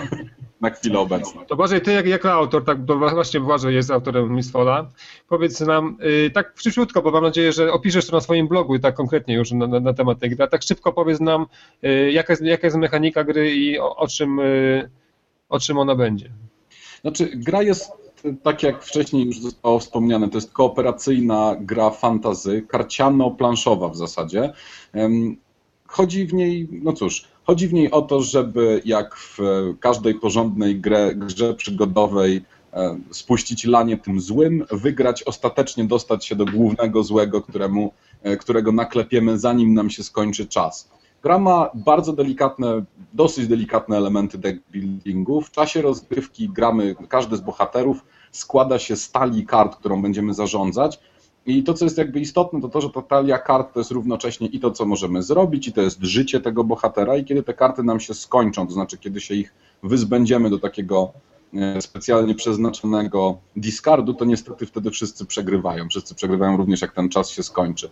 Natomiast e, powiem szczerze, to jest zbudowane w taki sposób, ja to zbudowałem w taki sposób, żeby na przykład walka sama z siebie była deterministyczna, a wraz z rozbudowywaniem talii bohatera, bo każdy bohater ma jeszcze taki stosik swoich specjalnych, dodatkowych kart, które w czasie rozgrywki można do niej dodawać, żeby w czasie, gdy te karty będą wracać przez różne efekty leczące, żeby te talie sobie nie, tyle, nie tylko budować pod względem zawartości, ale też układać tak, jak ona ma nam później wchodzić do ręki, bo talię tasuje się tylko raz, tasuje się na początku rozgrywki.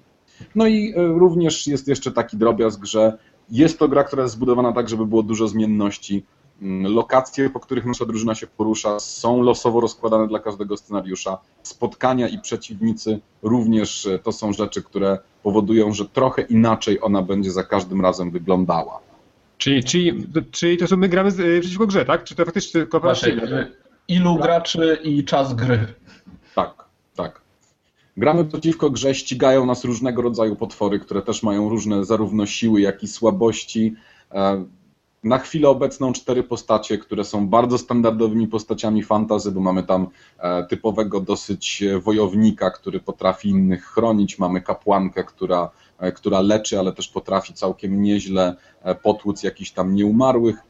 Mamy wreszcie czarodziejkę i złodzieja, którzy, czarodziejka jak typowy czarodziej jest w stanie naprawdę zasiać spustoszenie e, i złodzieja, który jest kombinatorem takim, który potrafi zrobić trochę rzeczy inaczej niż pozostali, czasami alternatywnie osiągnąć cele, które pozostali osiągają przez na przykład tłuczenie po prostu tych potworów.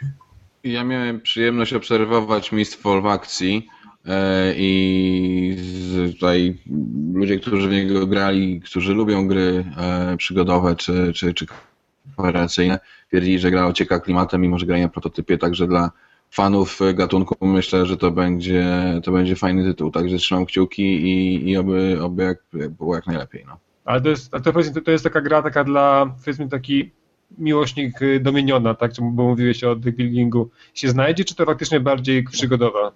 Wiesz co, myślę, że nie chcę tutaj, prawda, jak, jakoś tam stać się świętokradcą, ale myślę, że trochę miłośnik na przykład Mage Knighta mógłby znaleźć tutaj coś Mhm. dla siebie, tak?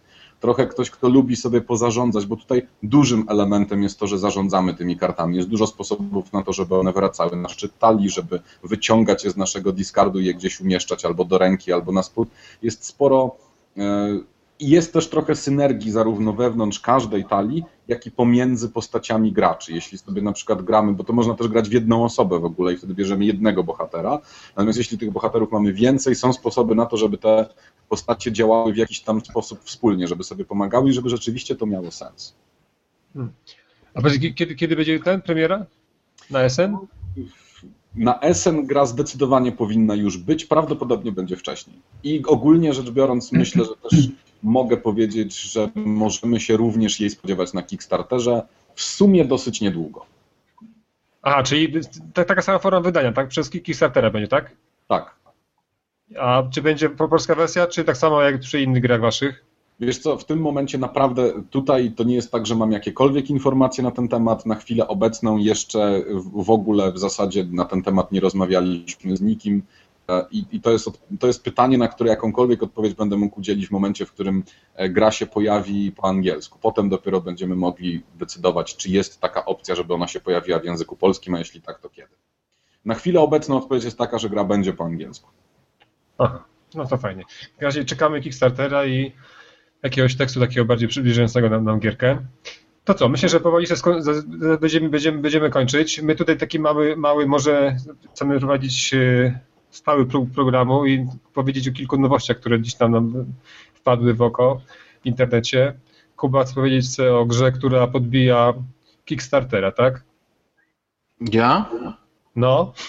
To znaczy? O kotach. O kotach. A, Exploding Kittens.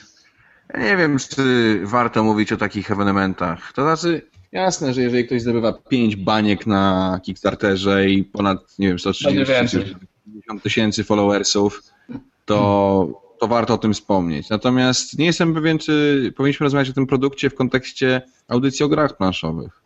Czy nawet tak, karcianych. Bo, bo, bo ta gra jest, jest takim, taką ruletką, tak? Rosyjską dokładnie. Znaczy to jest rosyjska ruletka. To jest masz talię kart z rysunkami słynnego rysownika, które ciągniesz sobie je ze wspólnego stosu na stole. Jak wyciągniesz eksplodującego kotka, to przegrywasz.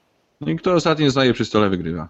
Tam, no ale jest, jest to na pewno gra, która, ten, która najbardziej więcej, więcej pieniążków zebrała na Kickstarterze. Jest to jest w ogóle chyba najbardziej. E, to już nawet nie jest gra, tylko projekt, tak? Najlepiej z. z... To znaczy, słuchajcie, myślę, że. Zrobię projekt na Kickstarterze. Myślę, że z marketingowego punktu widzenia dla branży warto podpiąć się pod tak ogromny sukces i trąbić wszędzie, że słuchajcie, gry planszowe przeżywają swój renesans, bo ktoś zdobył 5 milionów na Kickstarterze i sparł do 150 tysięcy osób.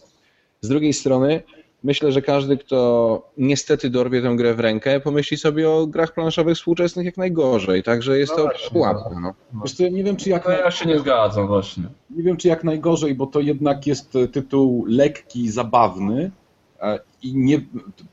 Mogłoby być gorzej. Mógłby ktoś Flax na przykład w ten sposób dorwać i wtedy do, do tragedii jest tylko jeden krok, bo we Flaxa można grać 15 minut się świetnie bawić albo 2 godziny stwierdzić mam dość. Tak, nie, ja, ja w ogóle nie, też jestem zdania, że. mam. Monty Python. E, że nie, nie, będzie, nie będzie źle. To jest e, taka gra właśnie bardzo lekka, to jest gra beer and pretzel, tak? czyli do piwka, gdzie będziemy mogli sobie usiąść, tam nawet jest ten dodatek taki not safe for work, tak? gdzie, gdzie będziemy mogli sobie usiąść i się pośmiać przy różnych dziwnych obrazkach. I Ale to wiecie, no, to, to, jest, to jest Joż, ale, ty, to jest... ty, ty mówisz? Widziałeś te obrazki? To są obrazki pod tytułem, wiesz, no kod ze spuszczonymi gaciami. Ale wiesz co, to jest, to jest, to jest charakterystyczne, to jest koleś, który tak naprawdę zbudował jakąś społeczność i on teraz jakby zbiera owoce tego, tak? To ale nie jest ja to, że on... Od... Ja, słuchaj, ale zaczekaj, daj mi, o, kłócą się. Ale nie, tak? chodzi, mi o to, że ja bym tego nie deprecjonował jako jakiś tam, że nie powinniśmy o tym rozmawiać jako o planszówce. Ja powiem szczerze, ja się z, z czystej ciekawości zastanawiam, czy nie, nie wesprzeć tego, po prostu. Eee... Oatmeal zrobił bardzo dużo dobrego dla, dla społeczności internetowej. Gra nie musi być zła, tak? To musi być zła. Nie, nie musi być właśnie zła, tak? To może być nie, właśnie no dobra gra na 15, na 15 minut na pośmianie się. 3 minuty i przez tej zasady, no. Patrzyłem, tak? I jakby, a właśnie więcej, e, to osoby wspierające ten projekt to nie są gracze, którzy się napalili na tą grę, albo jacyś ludzie, którzy zamiast wesprzeć planszówki, to te 5 milionów zamiast wesprzeć e, wydanie jakichś fajnych planszówek, to nagle idą na jakieś badziewie, tak? To są fani Oatmeala i po zagraniu w taką grę to właśnie raczej nie będzie to, że oni stwierdzą, oh my god, jakie to jest beznadziejne, tylko raczej pomyślą, wow, spoko, gierka, może jest coś fajnego, może jest coś podobnego, może sięgną po Munchkina, może sięgną po Love Letter, które też trwa 10 no nie wiem, minut, jest wydali, małe. Jeżeli wydali 140 zł, 35 dolarów, plus ewentualnie przesyłka do Europy na nie, przesyłka jest wliczona. To jest 30, no dobra, 30, 30 okay. dolarów. Tak? Na 100 z, na 100 z głupich kart, no nie wiem, słuchaj, Oatmeal jest bardzo ważną postacią dla społeczności. Zrobił wspaniałe rzeczy, jeżeli chodzi o Tesla, e, ma wielu fanów i tak dalej, ale no to jest jednak straszne. Dobra. No, ale Kuba, sam mówiłeś, że, że każdy powinien grać to, co lubi, więc jak ktoś lubi gry o kotkach, to może ten, no to sam sobie nie zaprzeczę. Więc uważam, że, ale na pewno jest, jest to, że to jest rekord na, i to jest, chyba długo, długo nikt tego nie pobije. Ja mam takie trzy newsy. E, jeden to jest taki, że będzie, będzie wydane na SN dwuosobowa e, wersja Siedmiu Cudów Świata i to powiem wam szczerze, bardzo się ucieszyłem, bo akurat ta wersja Seven Wonders, y, co jest obecna, nie działa na dwie osoby i to ciężko nazwać grą. Ja nie lubię gier z dziadkiem. Drugą to mam takie coś, że... Już mówiliśmy, że nie lubisz gier ze sztucznym członkiem. Dokładnie. Sztuczni członkowie mnie nie, nie kręcą. I, I jest taka fajna gra, którą Yellow wyda, ona mi nie dopada w oko, y, ona się nazywa Steam Torpedo ja potem dam, damy linki, tam jest fajny film na temat tej gry i ona mi się bardzo kojarzy z tym, z, z metalem, ale nie wiem czemu, chyba przez takie te jeżdżące, podobnie wydające statki, statki łodzi podwodnej. To jest taka gra, którą budujemy łódź y, podwodną z 10 elementów, tam są różne te, takie elementy charakterystyczne dla łodzi podwodnej. Mamy pięciu członków z załogi, niesztucznych, prawdziwych i oni sobie się poruszają i my wpływamy na ruch tych łodzi i w momencie, jak one się ruszają, możemy tam wysyłać torpedy. Takie dwuosobowe, czysto negatywno-interakcyjna gra y, ze zmienną, zmiennym y, układem tych kafli, czyli teoretycznie każda gra może być, może być inna. I trzecia, którą ja już to pokazywałem y, Joszowi, mówił, że on to widział, wiadomość, która mi to mnie rozbiła całkowicie. Zobaczyłem Carcassonne w wersji Star Wars. I to siadło. Po prostu dla mnie... Ale to timeline Marvel na przykład jest, tak? Proszę? Jest jeszcze na Norymberdze też pokazali timeline w wersji Marvel, tak? Gdzie tam A, nie wiem wprawdzie jak to się ma układać tam, czy bohaterów trzeba układać jakoś. Marvel i Avengersów, to są będą takie te tak, Avengers. Tak. I jeszcze było chyba z tego, z, z Dice Cube'ów były, nie? Takie, takie jakieś takie dziwne, dziwne, dziwne wersje były. Błażej, a ty grałeś. Błażej, a ty coś masz do nas jakieś newsy? Może chcesz nam się pochwalić czymś NSKN-owym, a może po prostu grałeś coś fajnego ostatnio, o czym chciałbyś powiedzieć? To znaczy tak, ja ostatnio muszę przyznać, że nie grałem w nic super nowego. Mm, natomiast poza Imperial Assault, który trochę, trochę przejął wolny czas y, z tego, który posiadałem, y, niedawno też stosunkowo trafiła w moje ręce gra, która nazywa się Magnum Opus. Nie wiem, czy o niej słyszeliście. To już jest coś, co wyszło dobrych parę miesięcy temu, bo to jeszcze przed y, Essen zeszłorocznym wyszło. I e, to jest bardzo, bardzo oryginalny deck builder, który na chwilę obecną naprawdę bardzo mi się podoba i ma jeszcze tę niesamowitą cechę, bo tam się gra, gramy alchemikami, którzy próbują znaleźć kamień filozoficzny. Ta gra w sposób fantastyczny daje poczucie takiego odkrywania czegoś przy tej okazji, tak? W sensie tam jest coś takiego, że są rozłożone w takiej siatce 4 na 4 karty koszulkami do góry i kiedy nam się uda połączyć dwa składniki alchemiczne, a to się robi przez układanie sobie tej talii, zagrywanie odpowiednio kart, e, odwracamy i patrzymy, co też tam siedzi. To jest naprawdę taki super element. Jeśli chodzi o to, na co czekam jeszcze, ja osobiście i co, co, co bardzo, czego zacząłem wyczekiwać, no to będę bardzo typowy względem odcinka, dlatego że e, czekam na najnowszą grę Mantika, e, która się nazywa Dwarf King Saga i jest grą, jest dungeon crawlerem kooperacyjnym. Gatunek po prostu czekam, aż ona wyjdzie spledżowana za pieniądze, o których nie powinienem mówić publicznie i czekam na Publicznie, ponieważ obawiasz się, że twoja żona będzie słuchać audycji, przyznaj się. Moja żona się kręci tutaj przez cały czas i ona doskonale wie, ile wydaliśmy na to, bo razem na to decydowaliśmy, ponieważ moja żona jest zarażona głęboko tym samym, tą samą okrutną pasją, która i mnie toczy co powoduje, że strasznie ciężko jest utrzymać gry na tych półkach, które są za nami, wiecznie coś z nich wyrasta. No i ostatnia rzecz, która w pewnym sensie też czeka, aż ona się pojawi, to jest bardzo wiele osób padło ofiarą Dice Masters, Marvel Dice Masters, teraz wyszło Yu-Gi-Oh! czy Yu-Gi-Oh! nie wiem jak się to chłopaki, chłopaki padli. Dungeons and Dragons? Ja padłem, ale powstałem. Ja jeszcze nie padłem, ale wiem, że będzie Dungeons and Dragons Dice Masters. I Już powinien być lada chwila. No właśnie, i to jest ta wersja, na którą ja z kolei czekam. Lubię superbohaterów, ale lubię ich głównie dlatego, że filmy o superbohaterach ostatnio wychodzą strasznie fajne. Natomiast jeśli chodzi o Dice Masters w wersji fantasy, to jest coś, na co naprawdę mam ochotę, szczególnie, że swego czasu Warriors było dla mnie w zasadzie porażką, znaczy napaliłem się trochę na to, jak ta gra działa, ale jednak w praniu wyszło, że to nie przynosi mi wystarczająco dużo satysfakcji. Popieram. Trzymam kciuki po polsku i po amerykańsku, żeby um, A w Attack Winga Dungeons and Dragons grałeś? jeszcze raz. W Attack Winga Dungeons and Dragons grałeś? Udało mi się pominąć wszystkie gry z serii Flight Path, mimo tego, że X-Wing twego czasu śpiewał do mnie pieśni, które trafiały trochę do mojego serca zwykle przez to, że widziałem, jak ludzie się fantastycznie przy tej grze bawili.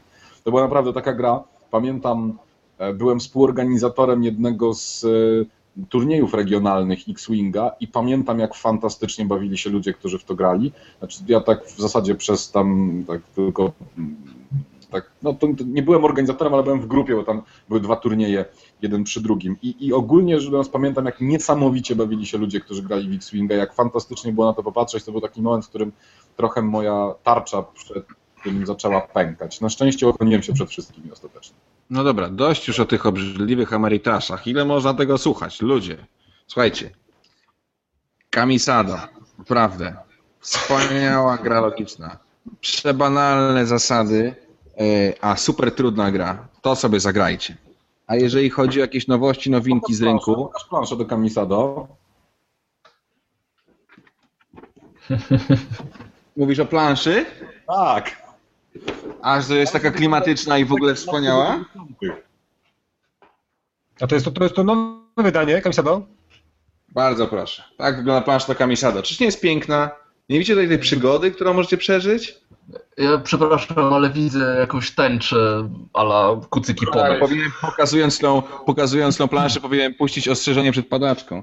Zgadzam się, ale dla tych, którzy nas tylko słuchają, a nie oglądają, plansza jest taką kolorową szachownicą z ośmioma kolorami na planszy, tak rzeczywiście wygląda trochę, trochę dziwnie. Zasady są przebanalne, a gra jest super trudna, także bardzo polecam. E, No, z Jawie miałem okazję też zagrać w kilka rzeczy, które się niedługo ukażą, między innymi w dwie nowości od Rebela. E, Po pierwsze Baronia, autora tego samego pana, który zrobił Splendor. Bardzo ciekawe, trochę mi przypominało takiego agresywnego Kingdom Buil- Buildera, mm, także myślę, że myślę, że można się naprawdę zainteresować.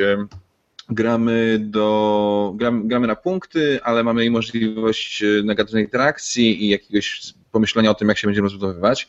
Grałem w Elysium, e, nie wiem czyjego autorstwa, ale takie Splendor spotyka Abyss, plus jeszcze mamy trochę taki odwrotny mechanizm Siedmiu Cudów, czyli jest y, grupa kart na planszy, które po kolei ściągamy do siebie. Ciekawe mechanicznie mnie nie powaliło na kolana, ale myślę, że jeżeli ktoś lubił Splendor Abyss, to to mogą być te rewiry, które, które mu podejdą. Grałem też dwie gry chłopaków z Board and Dice. Grałem w tą kościaną grę o piratach. E, No to jest bardzo lekka turlanka, e, też dużo negatywnej interakcji, próbujemy sobie tam podkładać finstewka i zdobywać punkty, choć gra jest kooperacyjna. Co spowodowało, że grałem dwa razy i dwa razy przegrałem, ponieważ chyba trzeba grać kooperacyjnie, żeby ktoś mógł wygrać, a ja jakoś nie potrafiłem się przemóc i. W tylko grze na siebie. kooperacyjnej warto grać kooperacyjnie. Grałeś przeciwko niemu, grałeś? Ale to jest częściowo czy całkowicie? Znaczy chciałem, Nie, no to jest tak, że każdy zbiera punkty, ale wszyscy mogą przegrać, tak? Tak, tak, tak, tak, tak. Więc trzeba grać trochę kooperacyjnie, ale jakoś nie potrafiłem tego zrobić, więc dwa razy nasz statek tonął. Niestety nie dopływał. I druga gra e, chłopaków z Board and Dice, czyli Exoplanets, gra, której pierwszy prototyp miałem okazję zagrać na Polkonie w Bielsku Białej e, i to było trudne doświadczenie wtedy. Mm, ale chłopaki wzięli grę na warsztat i teraz to jest bardzo fajna, szybka, śmigająca gra, e, w, trochę kontrola obszarów, zbieranie zestawów, kupowanie sobie nagród za te, za te zestawy. Rozwój, Każdy ma. Tam, słucham? Rozwój tych naszych plan, układów, tak? Bo to... Tak, tak, tak. Także tam jest chyba w grze, przynajmniej na cztery osoby w grze jest 24 akcji do wykonania, czyli każdy z graczy wykona tak naprawdę 6 akcji plus ewentualnie dwie dodatkowe i, i gra się skończy. Też myślę, że, że warto gdzieś tam o tym sobie pomyśleć. To tyle, jeżeli o mnie chodzi. Ja to ostatnio tylko Roll for the Galaxy i staram się powstrzymać, znaczy trzymać swoją tarczę wysoko przed Imperial Assaultem, ale nie wiem jak to będzie, jak wyjdzie polska wersja kiedyś tam. Opuść. Poddaj się.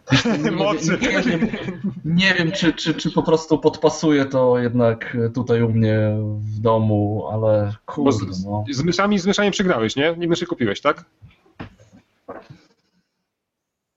Dzisiaj. No wiesz. Wiesz, że chcesz Imperial Assault. Wiesz. A, a ja tego nie słucham, nie, nie. Wiem, że chcę. Wiem. No właśnie, jeszcze tak tylko końcóweczka, jeżeli chodzi o Ameritrasze, one są tak cholernie drogie. Kurczę, za jeden Ale- Ameritrash można kupić dwie, Ale każda, gry. każda gra jest droga. Będzie, Nie, widziałeś, teraz tak. ile, ile, teraz, ile kosztuje ten e, Arle? No, prawie No 300 okej, złotych. okej. No. Okej, Proszę. i zgadzam się, of Arle jest bardzo drogą eurogrą. Ale generalnie wydaje mi się, że kto to mówił, że jak jedzie na N, to wraca z trzema grami? To kwiatosz ja mówił, tak, że jakby, z 15, jakby jak, to kwiatosz mówił, że ty wrócisz za tą samą kasę z 15 grami, a on z trzema. Tak, tak, dokładnie, dokładnie. Nie, rzeczywiście... nie, wi- nie wiadomo, jak, jak to będzie w tym roku będzie, wiesz, może, czy jak, przecież ty tyloma grami wrócisz, patrząc na, na te ceny. Dobrze, moi drodzy, pogadaliśmy, było o tematycznie, było, były newsy, mieliśmy gościa, mam nadzieję, że Boże się tutaj nie, wyru, nie wynudził, bo tak chyba dosyć go, nie, do głosu nie dopuszczaliśmy za bardzo. Błażej. To było bardzo fajnie, ale nie wiem, jak czujecie, że mnie nie dopuszczaliście do głosu, to możecie mnie jeszcze kiedyś zaprosić. O. Z miłą chęcią. Bardzo, bardzo miło się rozmawiało. Ja, w- ja w ogóle ja, ja mam, mam takie wrażenie, że ci goście, którzy u nas są, to oni zawsze chcą drugi raz być. Nie wiem, nie jesteśmy aż tak, aż tak źli chyba. Faktycznie nie jest będziemy robić, będziemy No, robić chyba do głosu I zostają, zostaje zrobić sobie notatki na boku, że nas, a następnym razem powiem o. Notatki, notatki Ja to sobie zrób do zamku Burgundii, bo musisz się nauczyć jak to grać, żeby to nie była losowa gra, ale spoko, nauczymy cię, nauczymy. Że co jeszcze raz, bo nie dosłyszałem początku. Jeżeli notatki to sobie zrób do zamku w Burgundii, to cię nauczymy, że to nie jest losowa gra. Wpadniesz na parę partyjek i będzie, wiesz, będzie dobrze. Dobra, wpadnę was ograć, nie ma problemu. Los. Dobrze, Dobra. to dziękuję, dziękuję y, i gościowi naszemu, Błażejowi oraz wam, że nas tu słuchaliście. Y, No to może tak po kolei, zacznę od Błażeja, pożegnajmy się z naszymi słuchaczami, widzami i proszę Błażej. Raz jeszcze bardzo dziękuję, było bardzo fajnie i do zobaczenia i usłyszenia. Kuba. Ja też, ja też bardzo serdecznie Wam dziękuję. E, Mam nadzieję, że e, dowiedzieliście się od Błażeja czegoś ciekawego na temat Ameritraszy, jeżeli tam jest coś ciekawego do dowiedzenia się oczywiście. Także jeszcze raz e, wielkie dzięki. I co? I do usłyszenia następnym razem. Tycjan, o czym będziemy następnym razem mówić? To będzie jakiś taki- taki ten, chyba to już prowadzi, ale z tego co wiem, to będziemy mówić o takich różnych fajnych wymysłach, które pojawiają się w grach. Technicznych, mechanicznych. No niekoniecznie, właśnie mówię, i technicznych O czymś, o czymś, dzięki czemu zapamiętujemy daną grę. Tak, tak. Pozytywnie albo negatywnie. Tak. No. A bardziej chyba pozytywnie, bo negatywnie to nie ma sensu o takich grach mówić. Mam jeden przykład negatywny, ale Dobrze, już. Ty się już żegnaj. trzymajcie się i grajcie w Ameritrasza. O, proszę. Ja też się z wami żegnam. Y, Tutaj był z wami Tycjan. Y, Ja jak zwykle mówię wam, grajcie we wszystkie gry i wybierajcie te, które są dla was najfajniejsze. Nie bawcie się w jakieś tam podziały. Podziały są beznadziejne i w życiu, i w grach. Cześć. Chyba, że dzielimy się punktami zwycięstwa. Cześć. Razie.